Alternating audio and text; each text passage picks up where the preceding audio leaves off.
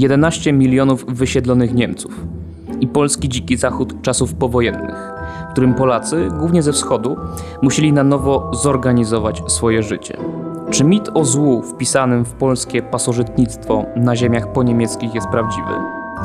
Dziś rozmawiamy o ziemiach uzyskanych, a nie odzyskanych, powodzi tysiąclecia z 1997 roku oraz o serialu Royst 97, który stanowi pretekst dla tych wszystkich tematów. Dzisiejszym gościem naszej audycji jest Daria Hibner, jest też stała ekipa, czyli Piotr Kaszyszyn, Bartosz Brzyski, no ja nazywam się Konstanty Pilawa. To jest następny odcinek podcastu Kultura Poświęcona, audycji Klubu Jagiellońskiego na czasy postchrześcijańskie, a więc takie, które chcą, a jednocześnie nie potrafią zapomnieć o Bogu. Zapraszamy. Przyszłym roku mija ćwierć wieku od tak zwanej powodzi tysiąclecia. W 1997 roku mieliśmy do czynienia z wielkim wydarzeniem, które z mojej perspektywy takiej biograficznej jest pierwszym wielkim wdarciem się historii e, w moje życie. Jestem rocznik 94 i właściwie ta połudź 97 to jest jakieś takie pierwsze moje wspomnienie. No i y, bardzo niedawno, bodaj dwa tygodnie temu, y, była premiera Roysta 90, 97. To jest drugi sezon, drugi sezon, no właśnie tego serialu. Mm, no i ten, y, tam, ten kontekst powodzi tysiąclecia jest tam bardzo istotny. Mm, wszystko dzieje się właśnie już po powodzi 97 roku, to jest pewnie, nie wiem, sierpień 97 roku, kiedy, kiedy w nieokreślonym miasteczku na zachodzie lub południu Polski e, mamy do czynienia właśnie z walczeniem ze skutkami powodzi, mamy taki powrót do, do lat 90. I chciałbym, żebyśmy dzisiaj y, trochę poopowiadali o tym serialu, ocenili go i zrecenzowali i odbili się od tych, od tych wątków, żeby pójść w rejony, które są dla naszego podcastu y, istotne.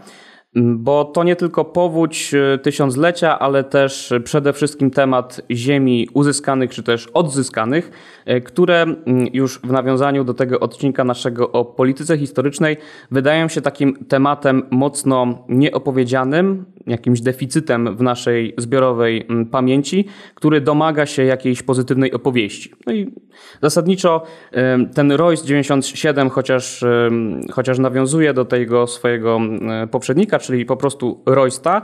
W tym drugim sezonie mamy mniej tych nawiązań do, do właśnie historii, do takich kwestii, można powiedzieć, metafizycznych, bardziej z takiej, no, próba nawiązania do jakiejś, nie wiem, kultury wyższej. Tutaj tego nie ma i zasadniczo jest to scenariusz osadzony w konkretnym miejscu e, i czasie, czyli skutki powodzi 97 roku i ziemie uzyskane, natomiast to stanowi tylko scenografię, więc dla mnie jest to taki serial mniej lub bardziej udany, zaraz będziemy o tym rozmawiać, ale stanowi on pewną taką zmarnowaną, kolejną zmarnowaną okazję do pozytywnego opowiadania na temat tych ziemi e, uzyskanych.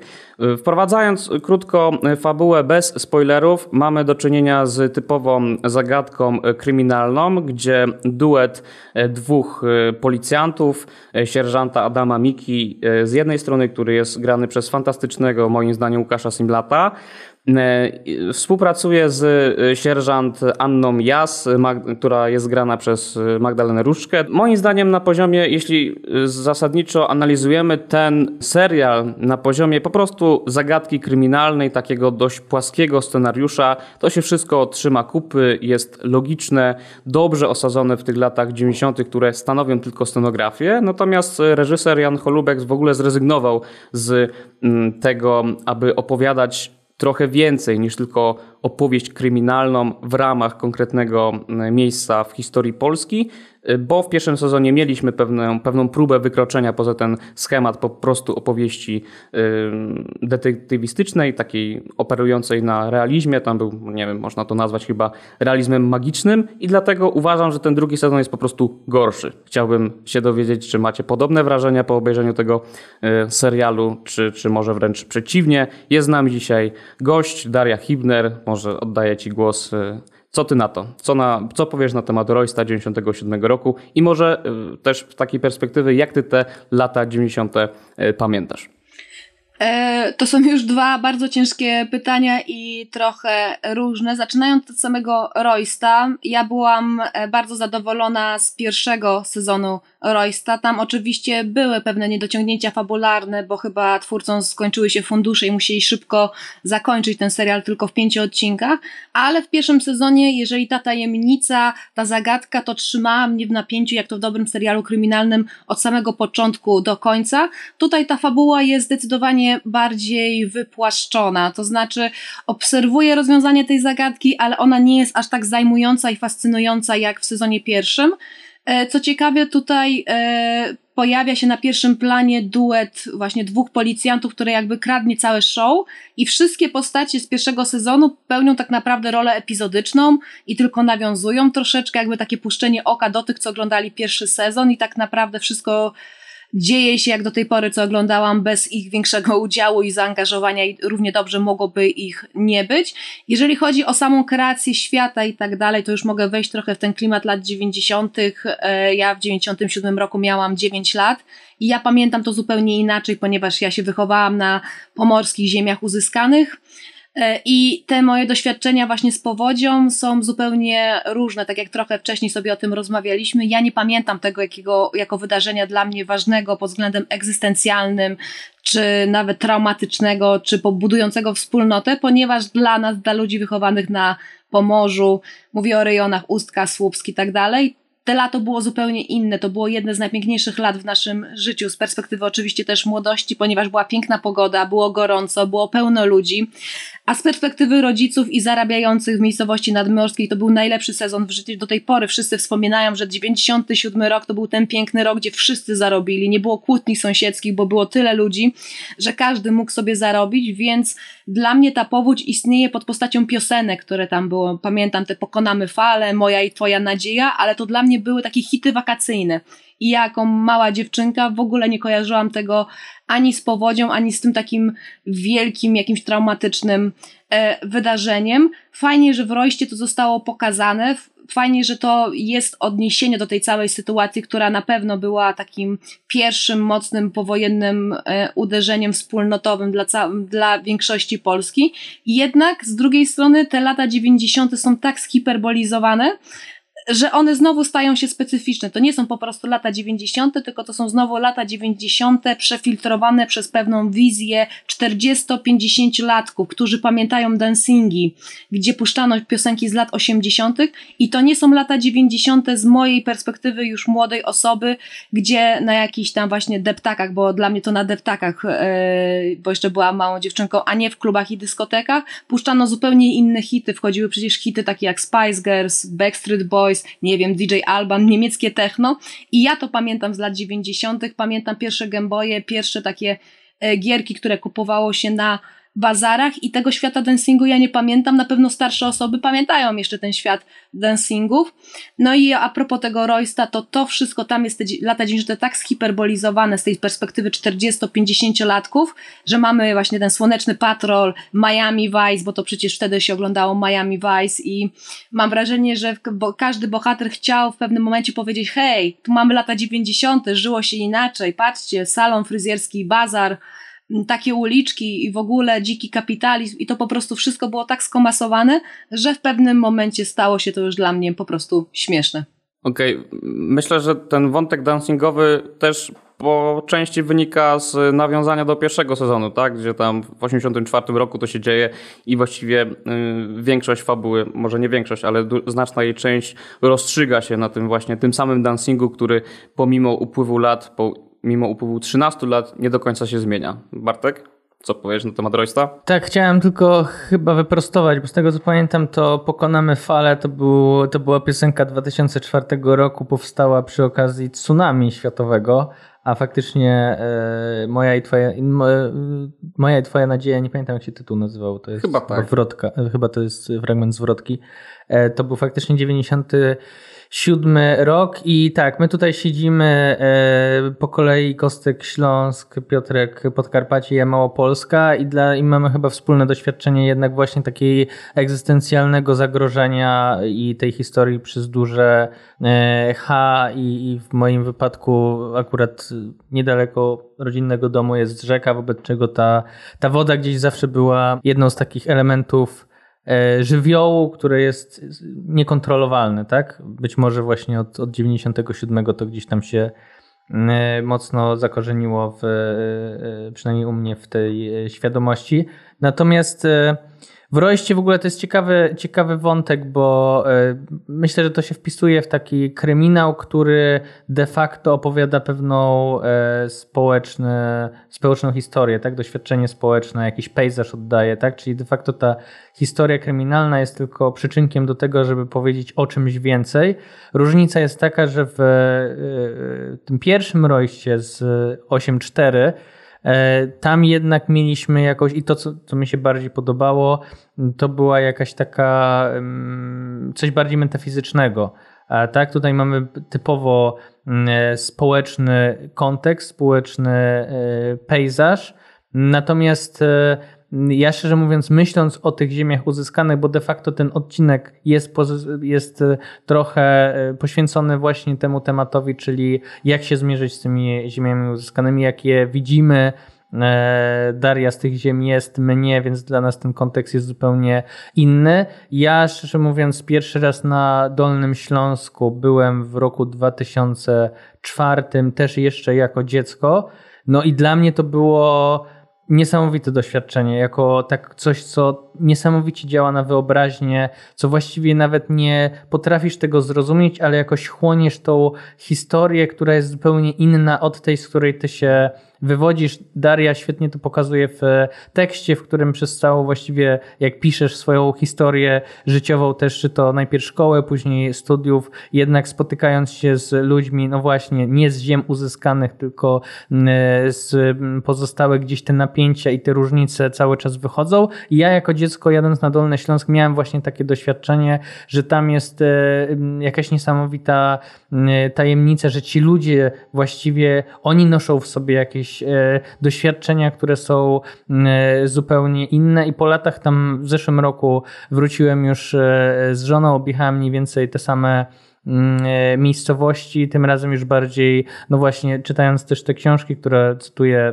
Daria, między innymi po niemieckiej Karoliny, Karoliny Kuszyk. I tam, i to jest ciekawe, że tam wracają na, ten, e, na tę ziemię uzyskane dopiero trzecie pokolenie prawdopodobnie ludzi, którzy no właśnie już nie są aż tak mocno mm, już nie są w tej tajemnicy bezpośrednio, tak? Znaczy oni nie noszą jej bez, bezpośrednio, tylko znają je gdzieś tam z opowieści i biorą je, mm, nie biorą już, nie, nie są ich nosicielami, wobec czego mogą się zmierzyć z nią zupełnie inaczej, bardziej, bardziej świadomie i te historie y, i być może dopiero w tej chwili możemy gdzieś zmierzyć się z tym jakoś e, na poważnie, tak jak w sumie stawiają chyba autorki e, w swoich e, książkach, mm, w sensie Grzebałkowska i, i bardziej Kuszyk, mm, to, że po raz pierwszy właściwie możemy uznać ziemię uzyskane jako faktycznie swoje i poczuć się tam u siebie i rozliczyć się z tym na poważnie, czym w Rojście jakoś autorzy chyba też próbują zrobić. Wybiegłeś trochę do przodu z już refleksją na temat konkretnych książek, reportaży poświęconych właśnie ziemiom uzyskanym. Wrzuciłeś ten wątek y, też nasz osobisty, biograficzny. Ja jestem trochę z pogranicza, bo zasadniczo na przykład Bytom czy Zabrze to były właśnie te ziemie, te miasta, które zostały uzyskane właśnie po, po traktatach e, pokojowych, więc można powiedzieć, Śląsk jest tutaj mm, również ten, ten górny, specyficznym rejonem, tak? tego pogranicza. E, część ziem było, część ziem właśnie należy do tych uzyskanych, w tym te dwa ważne miasta chociażby. No i Kaszu, żeby zamykając kolejkę. Royst, Royst 9.7, czy się przychylasz do, do naszych opinii? Jak podchodzisz do tego serialu? E, jako człowiek z, z Podkarpacia za bardzo takich wielkich wspomnień nie mam co do powodzi, skoro jest rundka, to nawiążę. Tyle pamiętam, że dużo było tego w wiadomościach TVP i jedno moje wspomnienie jest takie, że leżę na kocyku e, w dużym pokoju i wpatruję się w ekran telewizora i też tę piosenkę Bartek mi przypomniał, zapomniałem, że ona istniała.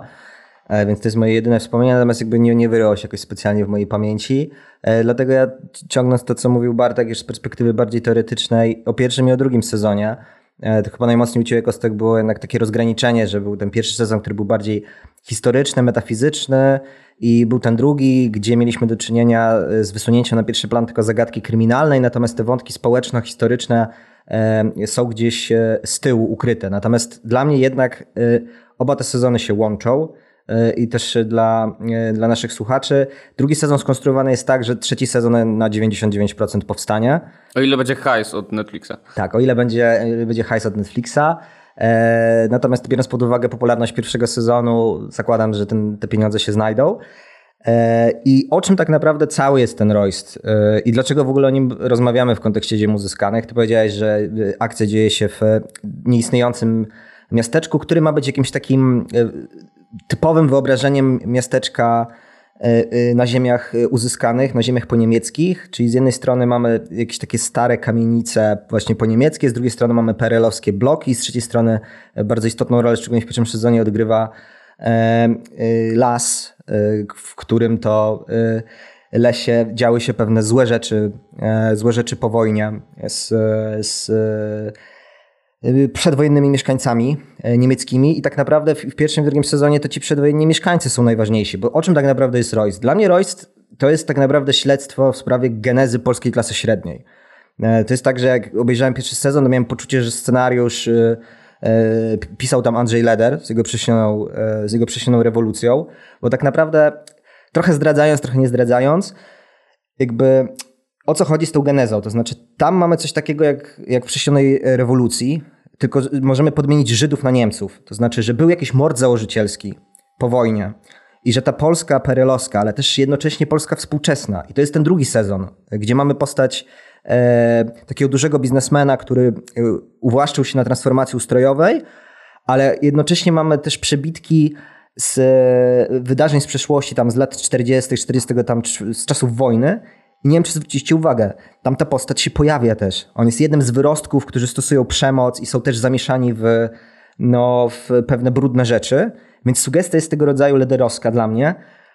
On był umoczony w brudne rzeczy, w pewien mord założycielski, powojenny tej Polski i teraz jest tym gościem, który e, sobie buduje zgodnie z wyobrażeniem na temat dzisiejszych 90 swoją wielką, jakąś eklektyczną, e, dziwną rezydencję e, nowobogacką, a jednocześnie jakby jego źródła społeczne y, jego źródła społeczne są takie, że jakby jest umoczony w, w pewne brudne, e, brudne rzeczy związane, e, związane z Niemcami. W dwie rewolucje, tak? Bo ja nie zauważyłem tego wątku. Tak, tak. Jest, jest umoczony w, w rewolucję, no mówiąc wprost jest umoczony w to, że y, należało się pozbyć Niemców, żeby trochę przejąć ich e, jakąś rolę, majątek, mhm. jakby osadzić się na tych ziemiach, y, ziemiach po nich w sensie jakby oni znikają, albo są przesiedlani, albo są eliminowani.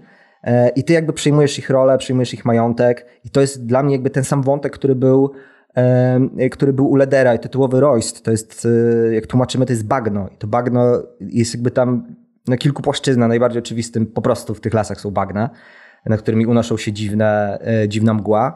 E, ale też to ma być po prostu bagno historyczne, to ma być bagno społeczne, szczególnie mocno to widać w pierwszym sezonie, e, gdzie wychodzi na to, że ta mała miasteczkowa rzeczywistość ze względu właśnie na ten bagaż historyczny jest na tyle umoczona, że to zło jakieś takie metafizyczno-historyczne jakby tak oddziaływuje na tych bohaterów, że sprawia, że oni sami jakby stają się złymi ludźmi. Trochę szerzej chciałem powiedzieć, żeby w ogóle wyjaśnić naszym słuchaczom, dlaczego wybraliśmy ten serial i że tu wcale nie chodzi, przynajmniej u mnie nie chodzi o to, że to jest dobry kryminał z fajnym tłem 90 czy w pierwszym sezonie fajnie odmalowanymi latami 80 tylko że tam jest pewna historia y, społeczna i moim zdaniem no właśnie próba opowiedzenia pewnej lederowsko rozumianej genezy klasy średniej, która, żeby stać się tą klasą średnią dzisiaj, musiała wziąć e, siekierę i kogoś zabić. To jest ten wyższy level interpretacji, do którego e, chciałem powoli dochodzić, żeby nie wrzucać ledera w pierwszej minucie nagrania, ale rzeczywiście tak, te, te wątki są, są tam obecne.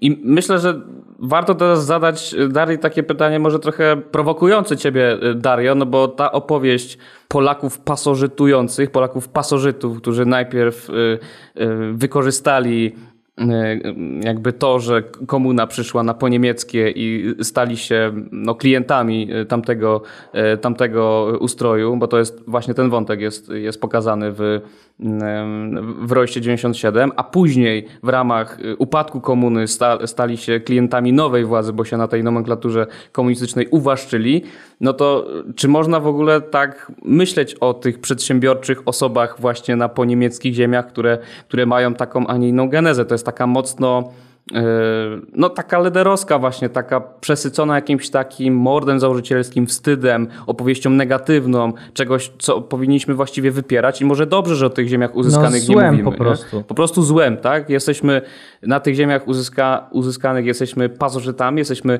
yy, takimi ludźmi, jesteśmy turystami, trochę gośćmi, którzy, yy, którzy przez pierwotne zło nie potrafią odnaleźć siebie jako Polaków, odnaleźć siebie jako osoby. Te, te wątki są mega takie atrakcyjne, jeśli chodzi o publicystykę, atrakcyjne, jeśli chodzi o narrację taką chyba lewicową, ale czy, jak, jak ty, Dario, jako, no, jako jedyna z nas osoba, która na tych ziemiach uzyskanych się wychowała, jak ty się odnajdujesz w takiej, w takiej opowieści? E, ta opowieść jest zła dla mnie na kilku poziomach i trudno w ogóle zacząć od jakiegokolwiek. Powiem na początku to, że oczywiście te wszystkie założenia mówiące o tym, że budujemy na trupach, budujemy na jakiejś tajemnicy, na jakimś złu, takim metafizycznym, wrodzonym w tę ziemię, oczywiście bierze się z pewnych teorii wynikających z psychoanalizy, zakładających, że może istnieć coś takiego jak zbiorowa trauma, którą musimy dopiero sobie uświadomić i jak uświadomimy sobie tę zbiorową traumę, to dopiero można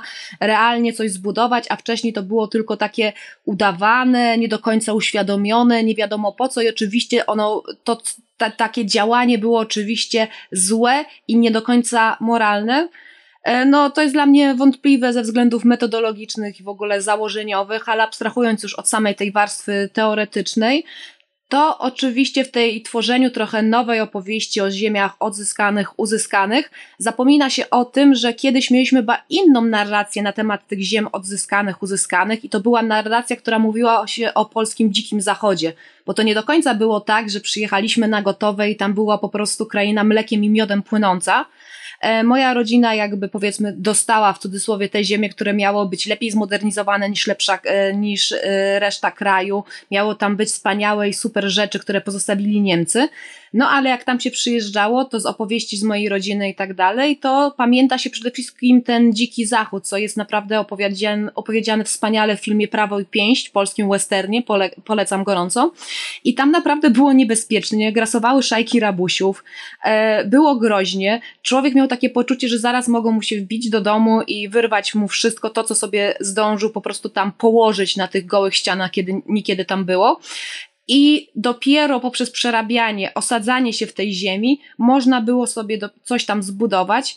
I ja mam dość specyficzną sytuację, bo już moja babcia urodziła się na ziemiach uzyskanych i dla niej te wszystkie doświadczenia, oczywiście ona na przykład pamięta to, że niekiedy przyjeżdżali do jej domu Niemcy i prosili o to, żeby wejść do jej domu i zobaczyć, jak kiedyś mieszkali ich przodkowie, ale dla niej to było doświadczenie w stylu przyjechała ciocia z Ameryki, bo przyjechali dobrze ubrani państwo i dawali czekoladę. I dla niej te wszystkie po prostu opowieści związane z jej życiem kojarzą się przede wszystkim z tym, że trzeba bardzo mocno pracować i trzeba bardzo mocno wszystko przeobrażać i przerabiać, żeby w końcu się tutaj osadzić. I ten miks po prostu przeobrażania starych tradycji, które tam zostały, które się kultywowało z tym, co się przynosiło właśnie polskiego, był takim podstawowym doświadczeniem, doświadczeniem takiej mega przedsiębiorczości, że tutaj cały czas trzeba robić i pracować. Ona już nie pamięta tego, że tej obawy i strachu, że zaraz przyjdą Niemcy i nam to wszystko zabiorą, tylko bardziej pamięta ten nakaz pracy, który tam był, nakaz pracy, przerabiania i transformacji, która musi być. Tam ten, kto nie pracował, czegoś tam nie robił, był zawsze najgorzej oceniany.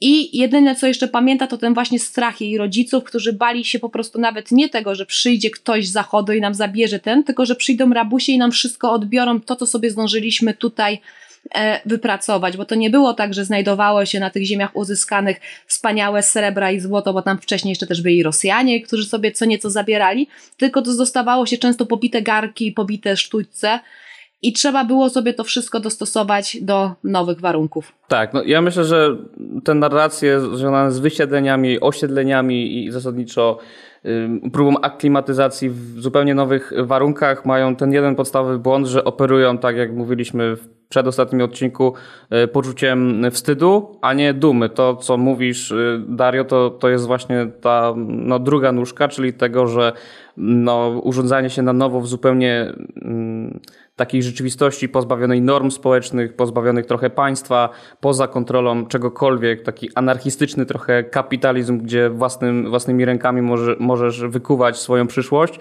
no to jest opowieść, to jest właśnie ta opowieść, której mi zabrakło w Rejsie 97, to jest opowieść, która, która na temat ziemi uzyskanych jest y, milcząca, bo jest chyba niewygodna dla, dla wielu stron dzisiaj w debacie publicznej. Zanim zadałem Ci pytanie, to Bartek Brzyski chciał y, wrzucić swoje wątki, nie wiem co chciałeś powiedzieć, także po prostu mów. Tak, ja chciałem e, w sumie nawiązać, wielokrotnie już nawiązywaliśmy do, e, do Szczepana Twardocha i do Dracha, bo moim zdaniem to jest trochę taka wizja jak, e, wiecie, ziemie skrwawione Snydera, to znaczy druga wojna świadoma, światowa, ziemie przesiąknięte krwią, zbrodniami, jakąś niesprawiedliwością, jednocześnie właśnie ta ziemia drachowska, mm, e, właśnie twardocha, która jest taka, taką wizją pogańską, w której są tylko, w której nie ma żadnej E, no, logiki dziejów. Właściwie jedyną logiką jest prawo pięści, pięści przemocy, e, chwilowego wyrwania sobie e, swojego z tej rzeczywistości zastanej. I trochę tak jest w tej opowieści. To znaczy, że no właśnie ten, kto rządzi na tych ziemiach, to zawsze musi gdzieś na początku tej historii stać jakieś, jakieś zło, które zostało popełnione, jakaś krzywda no i właśnie pytanie, jak my się z tym e, konfrontujemy, i też mam takie poczucie, że trochę te opowieści są e, opowieści są różne, w sensie, że nie ma jednej opowieści o tych e, ziemiach uzyskanej, nie ma jednej naszej opowieści o tym wszystkie znaki na niebie i ziemi, a więc statystyki Apple Podcast czy Spotify'a pokazują, że coraz lepiej się słuchamy. Bardzo dziękujemy za to zaufanie. Dziękujemy również tym, którzy wsparli finansowo w ostatnim czasie nasz podcast i zachęcamy słuchaczy do tego, aby przelać na kulturę poświęconą czy na Klub Jagielloński choćby złotówkę. To jest bardzo ważne dla e, naszego rozwoju. Klub Jagielloński e, w ramach podcastu nie, to nie tylko kultura poświęcona, ale też Sceptech Bartosza Paszczy, e, czy też po amerykańsku Andrzej Andrzeja Kochuta, czy też międzymiastowo, które jest tworzone przez Karola Wachowskiego, przez Kubę Kucharczuka i Magdę Miller. Także oferta podcastowa Klubu Jagiellońskiego wciąż rośnie i chyba zanosi się, że zaraz będzie jeszcze tych treści więcej w e, platformach e, podcastowych. Także zapraszamy do śledzenia naszych kanałów i jeszcze raz dziękujemy za zaufanie. Zacząłeś mówić o, tych, o tej ziemi, gdzie, gdzie, jest, gdzie jest ta krew no jest tętniąca krwią ta, ta, ta ziemia przeorana wojną, frontami i różnymi nieszczęściami dziejowymi. I to jest właśnie ten wątek, jeszcze nawiązując y, ostatni raz y, do tego Roysta 97, który jest tam zaznaczony, ale nie jest poprowadzony i to jest chyba mój największy niedosyt, y, jeśli chodzi o ten serial. No bo mamy mm, powódź tysiąclecia, która tam jest opisana w ten sposób, że przy, przy, tym miasteczku pęka wał i wymywa jakiś stary cmentarz, nie? Właśnie tych osób, które y, były tam pochowane i to byli ci y, żołnierze radzieccy, pewnie też stare groby niemieckie, tak? I to ma w sobie taki duży potencjał symbolu opowiadania właśnie o historii, żeby właśnie poprowadzić ten, ten temat, nie? Bo z jednej strony można to opisać w ten sposób, że trochę tak jak Daria starała się powiedzieć, Powódź tysiąclecia to jest taki symboliczny, biblijny potop, który zalewa starą y, ziemię, y, zalewa grzech tej ziemi i jest trochę takie no, no, biała karta, tak? Zaczynanie od początku. Y, zupełnie jakaś odnowa moralna, tak? Odnowimy tą ziemię, bo zasadniczo wymyliśmy tą powodzią tysiąclecia cały ten grzech i całą tą przeszłość, zapomnijmy y, o tym i zbudujmy na tej nowej ziemi, już wymytej, czystej, właśnie z powodu tej powodzi, coś nowego, nie? Bardzo dobry jakby ruch scenarzystów, za, moim zdaniem, zasygnalizowany, ale nie poprowadzony dalej. I z drugiej strony bardzo dobrze pokazane to, że tak nie może być, bo to jest naiwna, to jest optymistyczna wersja tego, że wielka powódź nam trochę właśnie biblijnie stworzy nowy świat, no bo nie, bo są te groby, które ta woda właśnie wymywa, nie? Taki wątek właśnie tej wody, która nie oczyszcza, tylko właśnie pokazuje grzech, pokazuje brud, na, na zewnątrz. Nie? Ten ukryt, te ukryte groby, te, te ukryte cierpienie jest przez tą y, rzekę nie oczyszczany, ale właśnie pokazywany. Nie? Jest, są te bagna, te, te kości, to to cuchnie, jest tam dużo much i jest taki y, jakby klimat, że można bardzo dobrze zbudować napięcie w ogóle fabularne, tak jak było w pierwszym sezonie, gdzie to napięcie było budowane przez ten tajemniczy las, to tutaj ten tajemniczy las, tej takiej niemieckiej puszczy nie ma, nie? Bo jest to po prostu sprowadzone do tej, tego podstawowego poziomu zagadki kryminalnej i o to mi chodziło w tej pierwszej wypowiedzi, że na tym poziomie jest to, jest to spłycone. To będzie w trzecim sezonie ewidentnie, to widać.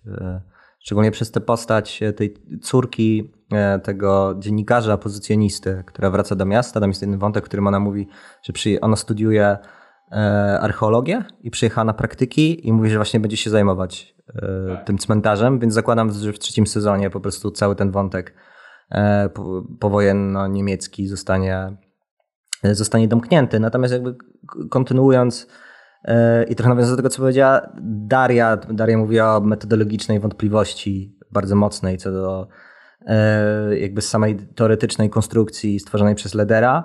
E, ja poza tym, że po prostu pierwszy sezon jakby aktorsko i scenariuszowo był świetnie skonstruowany, to na tym poziomie takim no właśnie teoretycznym, no to jednak ja miałem takie wkurzenie, w sensie mnie to mega irytowało. Jeszcze tam dorzucony był ten cytat z E, wiersza i imienia, dobrze, nie, że mnie poprawicie, Wojciecha chyba Burszty. Chodzi ci e. o Andrzeja Bursa. Tak, dokładnie. Dziękuję za poprawienie. E, mam w dupie małe miasteczka, gdzie jest właśnie sugestia, że wszystkie polskie małe miasteczka, bez względu na to, czy to one są na zachodzie, gdzie zabijaliśmy Niemców, czy bardziej gdzieś na wschodzie, jak nie wiem, Jedwabne i okolice. Te wszystkie małe miasteczka mają jakiś mord założycielski, że tam gdzieś zawsze jest jakiś las, gdzie cichaczem są pochowani, pomordowani Niemcy albo Żydzi, a my zabraliśmy im e, mienie i w ten sposób puf, tak powstał Czokapik, tak powstała polska klasa średnia.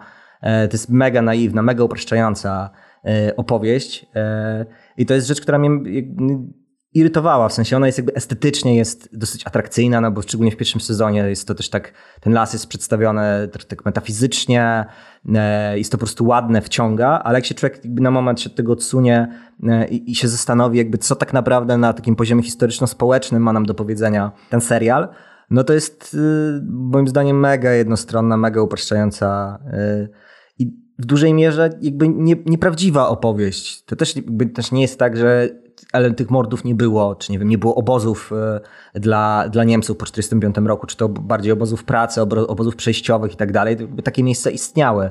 E, to jest jasne, szczególnie nie mieliśmy obóz e, szczególnie brutalny chyba w Świętochłowicach na Śląsku, gdzie spora część tych Niemców, czy tam, nie wiem, Ślązaków, którzy byli wcielani mniej lub bardziej siłą do Wehrmachtu, traciło swoje życie. To jest jasne. Natomiast jakby robienie z tego uniwersalnej genezy Polski współczesnej, co jest też bardzo mocno sugestią w drugim sezonie Royce, to uważam za, za nie, nieuprawnione całkowicie. Okej. Okay. Jeszcze y, wprowadzając wątek taki tłumaczący, bo nie wiem, czy to padło. Mówimy cały czas o książce Andrzeja Ledera, Prześniona rewolucja, wydawnictwo krytyki politycznej, 2014 rok. Bardzo ważna pozycja w ogóle dla lewicy. W przedostatnim odcinku poświęconym polityce historycznej trochę o niej wspominaliśmy, ale my w klubie już tyle przegadaliśmy godzin na temat y, czy to Sowy, czy to Ledera i tak dalej, że z drugiej strony może to tak brzmieć, że mówimy trochę od środka i od końca, nie wprowadzając początku, więc chciałem po prostu wrzucić. Bartek? Tak, y, bardzo szybko chyba postaram się, ale nie wiem, czy mi się uda.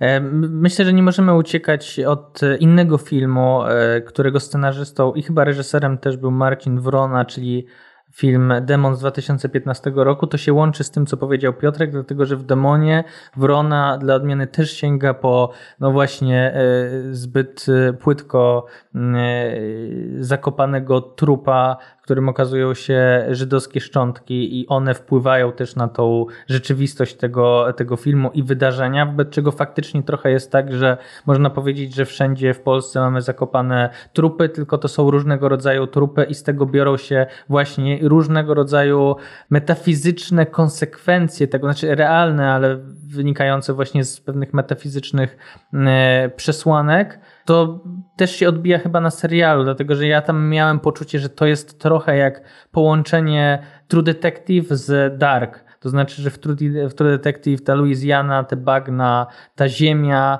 e, właśnie taka pogańska wizja, gdzie te, te metafizyczne zło się unosi i Marcin Worona, i mówię, to nie jest pierwszy obraz, który, który właśnie eksploruje ten, e, ten wątek. Natomiast e, ja mam poczucie, to w sumie pytanie do Darii, dlatego że on powiedziała, że u ciebie w rodzinie nie było takiego przeświadczenia, że przyjdzie Niemiec i zabierze.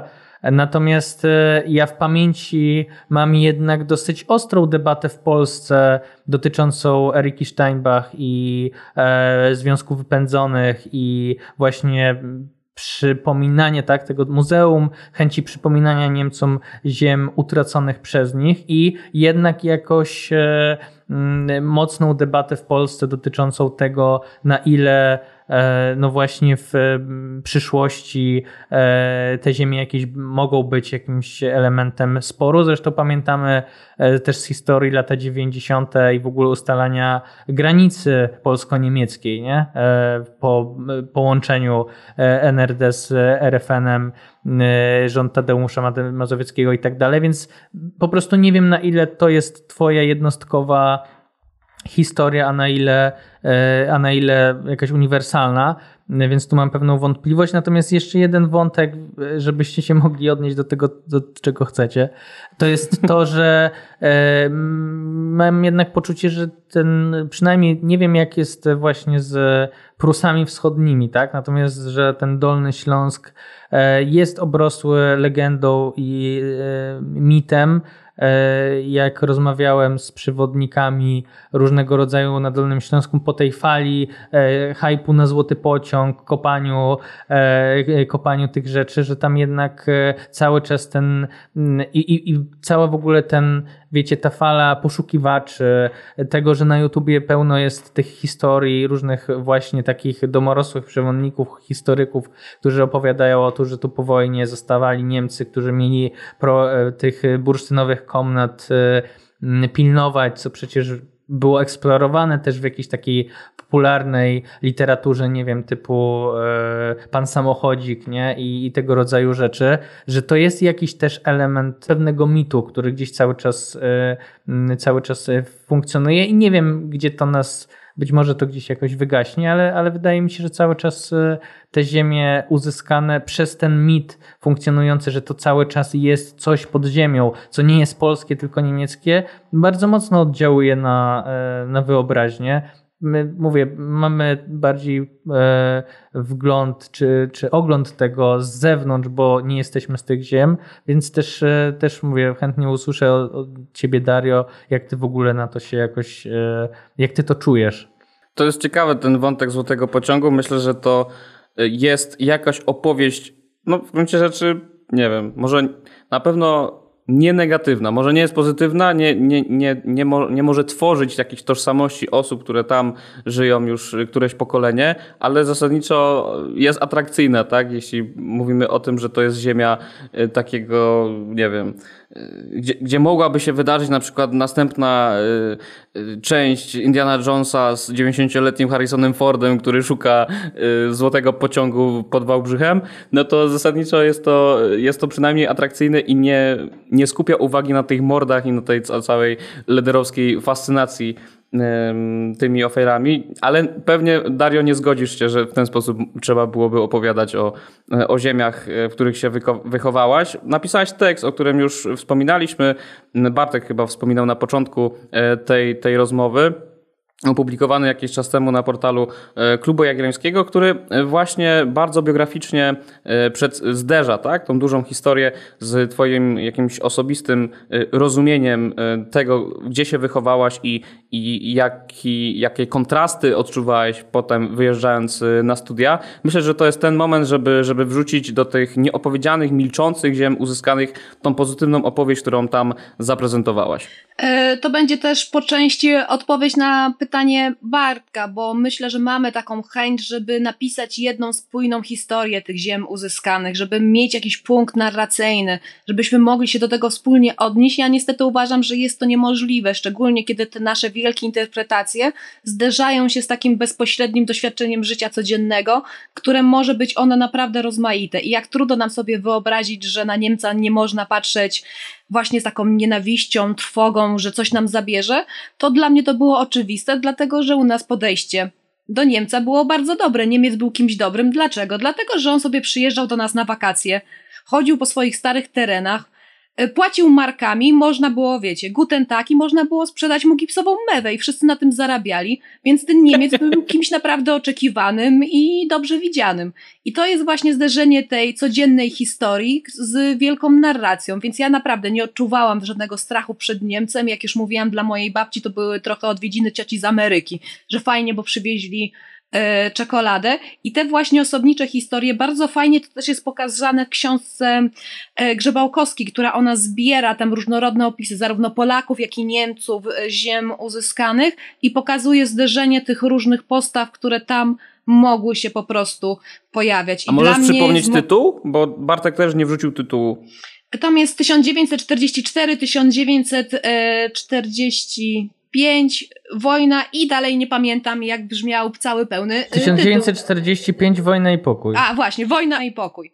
I tam są naprawdę fenomenalne historie, właśnie, przez nią zebrane i spisane, i ona naprawdę pokazuje wiele różnorodnych opowieści z tych ziem uzyskanych, zarówno tych strasznych, zarówno tych budujących, jak i tych, które opowiadają o tym, jak tę ziemię została transformowana. Bo ja na przykład mam bardzo mocne uczucie przeobrażania tej ziemi, żeby ona była własna i nasza u nas zawsze było coś takiego, że jeżeli mówiło się o jakiejś ważnej postaci, która należała do narodu niemieckiego, to mówiło się o niej Słupszczanin. Ja od samego początku wiedziałam, że u nas urodził się Henryk von Steppen, który zrobił pocztówkę i to był zawsze dla mnie Słupszczanin. Nie Niemiec, nie Polak, ale Słupszczanin. I w taki sposób to było robione.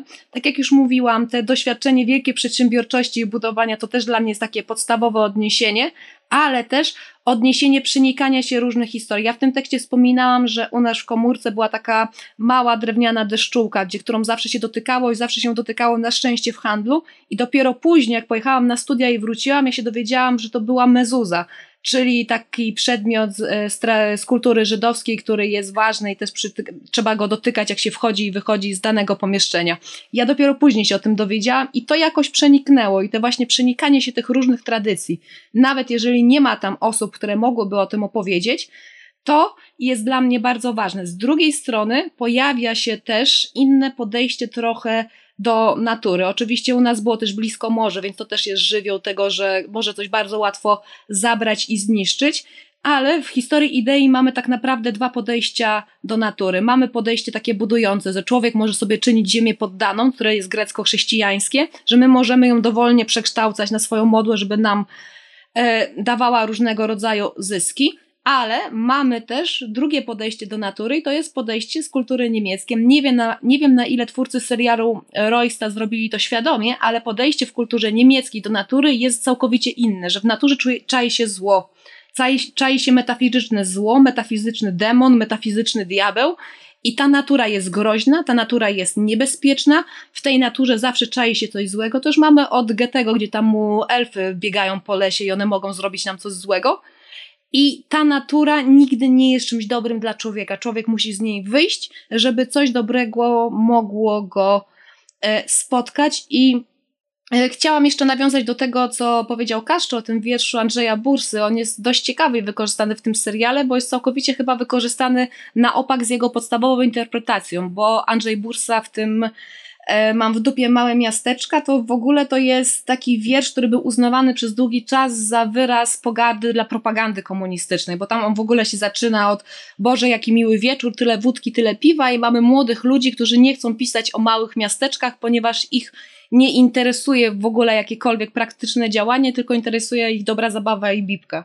I tutaj w tym momencie mamy przerobienie tego wiersza w tym kontekście, że małe miasteczka nie są w ogóle dla nas ważne, nikogo one nie interesują, co jest dość ciekawe, bo szukamy jednych wielkich tam interpretacji dotyczących ziem uzyskanych, dotyczących tego, jak powinniśmy o nich mówić, a tak naprawdę zauważcie, że mówimy o nich w kontekście Pomorze, Śląsk, E, Warmia i Mazury. Mówimy o nich w takich kategoriach szeroko geograficznych i rzadko wspominamy o jakichś konkretnych miastach. Mówimy o nich w charakterze regionów, a nie czegoś takiego indywidualnego, asobniczego i nie tego, co budowało tak naprawdę naszą klasę średnią, nasze poczucie miejskości. Przecież większość z nas ma doświadczenie miejskie w tym momencie, już od czasów PRL-u, bo nawet jeżeli nie mieszkaliśmy w mieście, to przynajmniej dojeżdżaliśmy tam do szkoły. I to budowało naszą świadomość i tego, jacy jesteśmy po prostu teraz. Dzięki Dario. Teraz mi się przypomniało rzecz ciekawa, że jakby zmierzając do, do końca naszej y, rozmowy, cały czas używamy y, sformułowania ziemie uzyskane. Raczej w szkole, raczej w cudzysłowie pisze się ziemie odzyskane albo po prostu ziemie odzyskane. Więc y, też chyba warto byłoby w ogóle wytłumaczyć, y, dlaczego w swoim tekście też i w swoich wypowiedziach, Dario, używasz tego, y, tego sformułowania, bo tam, jak sądzę, jest ukryta jakaś intencja, która właśnie jest spójna z tą opowieścią twoją właśnie o tych ziemiach, no, z tego z, skąd pochodzisz. No i też bardzo y, podstawowa informacja taka geograficzno-demograficzna, y, natomiast bardzo istotna, tak? No ziemie uzyskane, wel odzyskane stanowią około 1 trzeciej obszaru współczesnej Polski i z tych obszarów wyemigrowało właśnie w tych czasach w sposób przymusowy 11 milionów Niemców, tak, zostało wysiedlonych, nie? I na te, e, na te obszary teraz bardzo gęsto zaludnione, chyba najbardziej gęsto, oprócz oczywiście Warszawy i Krakowa e, w Polsce, przyjeżdżają monoetniczni właśnie ludność monoetniczna polska. No i to jakby pokazuje w ogóle, takie suche fakty pokazują skalę tak, tej, tej rewolucji, o której, o której mówiliśmy i też skalę tego tematu, który został, tak jak chyba zgodziliśmy się mm, w Rojście, trochę, mm, trochę zmarnowany. Tak? Była wspaniała okazja, żeby, żeby zrobić coś z tego mm, lepiej, bardziej. To się nie udało. Ale proszę Cię Dario jeszcze o, o wytłumaczenie tego epitetu. Dlaczego uzyskane, a nie, jak, a nie odzyskane w cudzysłowie, jak, jak każą nam się uczyć w podręcznikach szkolnych do, do historii w liceum?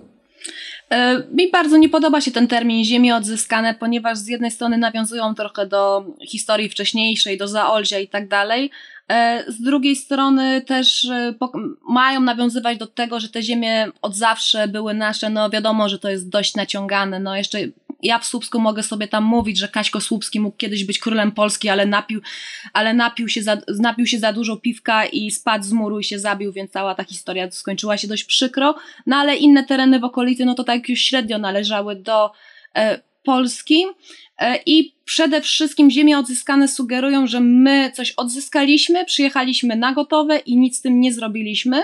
Natomiast termin ziemie uzyskane pokazuje, że my coś dostaliśmy, ale nie zawsze chcieliśmy jakby to dostać, bo czasami nie mieliśmy wyboru. Mój pradziadek po prostu uciekł sobie z, mm, z Armii Czerwonej, do której został e, siłą wcielony z okolic Wilna i tak sobie szedł na ten Berlin. W pewnym momencie poznał moją prababcię, to znaczy wyzwolił ją z obozu koncentracyjnego w Płońsku. No i jak szedł na ten Berlin, no to w pewnym momencie sobie trochę odbił i został na Pomorzu on za bardzo nie miał wyboru, żeby sobie wybierać jakikolwiek inny teren do zamieszkania.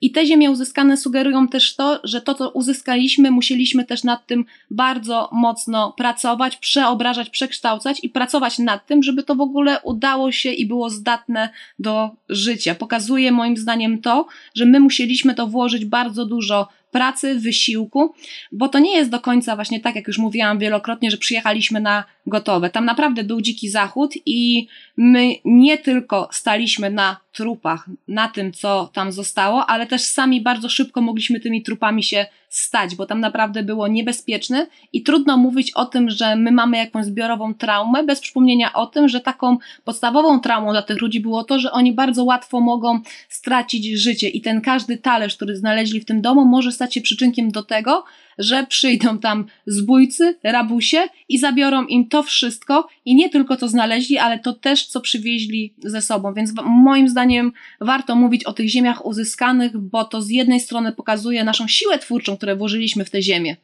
Trochę nie z własnej woli, bo przypominamy, że tam bardzo wiele osób zostało przesiedlonych, trochę właśnie z takim nastawieniem, że nie ma innego wyboru, ale też musieliśmy po prostu przerobić to i cały czas moim zdaniem transformujemy to na waszą, na własną modłę, zmieniając to, co zastane, w to, żeby to było nie tylko polskie, ale też po prostu nasze własne.